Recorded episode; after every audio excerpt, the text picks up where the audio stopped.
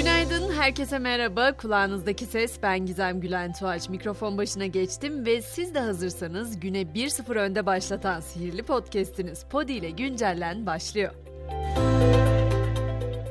Sonunda beklenen kar yağdı. Başkent Ankara ve İstanbul'a dün mevsimin ilk karı düştü. Lapa lapa yağan kar İstanbul'da ilk trafiği vurdu akşam saatlerinde. Yurdumuz bugünden itibaren İzlanda soğuklarının etkisine giriyor. İstanbul dahil pek çok bölgede sağanak ve kar yağışlarının da sürmesi bekleniyor.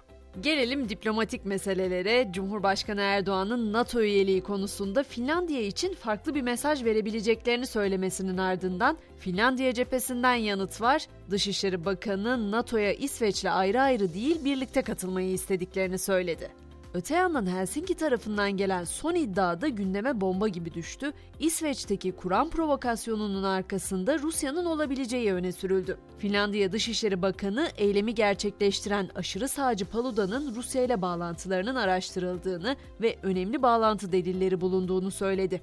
Bu arada Finlandiya'da artık provokasyona izin verilmeyecek, ülkede kutsal kitapları hedef alan eylemlerin suç sayılacağı ve polisin bu tür eylemlere izin vermeyeceği açıklandı. Birleşmiş Milletler Güvenlik Konseyi ise Kıbrıs Adası'nda konuşlu barış gücünün görev süresini bir yıl daha uzattı. Kararı Türkiye tepkili Dışişleri Bakanlığı'nın açıklamasında konseyin adada gerçek anlamda bir çözümü teşvik etmek yerine Rum tarafının güdümünden çıkamadığı belirtildi. Kıbrıs Türk halkına uygulanan insanlık ve hukuk dışı ambargolar görmezden gelinmiştir denildi.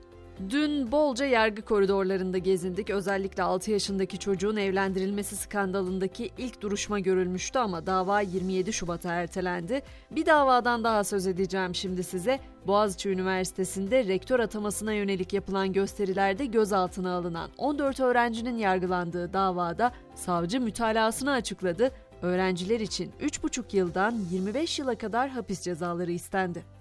Bir süredir hatta uzunca bir sürede diyebileceğim bir süredir sıfır otomobil bulmanın zorluklarından söz ediyoruz. İşte o konuda Çin'den iyi bir haber var. Çin'in Ankara Başkonsolosluğu'nun resmi hesabından Şangay Limanı'ndan Türkiye'ye doğru 4000 sıfır araçla hareket eden geminin görüntüleri paylaşıldı. Gündem yolculuğumuzda şimdiki durağımız Amerika olacak. Aslında bu dinlerin, felsefenin hatta çoğu zaman filmlerin de konusudur.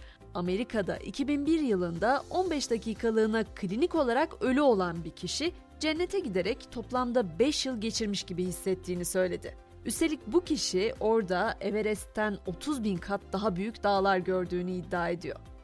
Bu değişik deneyimin ardından bir de gerçek anlamda görebilmenin öneminden söz edeceğim. Ürettiği içeriklerle meşhur olan 24 yaşındaki Amerikalı Jimmy Donaldson kanalını bu sefer iyi bir amaç için kullandı.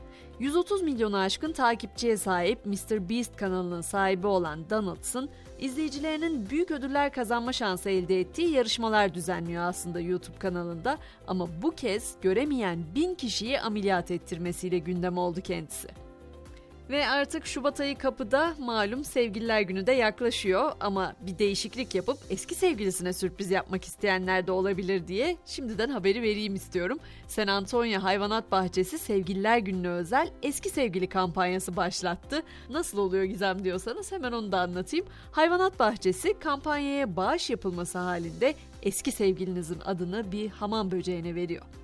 Spor başlığına geçmeden önce bilim insanlarının uyarısını aktarmak da boynumun borcudur. Uzay çöplüğü yüzünden uzaylıları bulamayabiliriz diyorlar.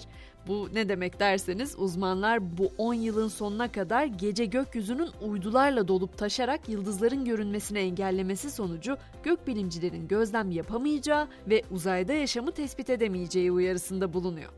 Hemen NBA'deki Türk gecesiyle spor dünyasına da hızlı bir giriş yapalım. Cleveland Cavaliers Los Angeles Clippers karşılaşmasında adeta Türk rüzgarı esti. Cedi Osman'ın 29 sayıyla yıldızlaştığı maçtan önce ise Amerika'da Türk kültürü tanıtıldı.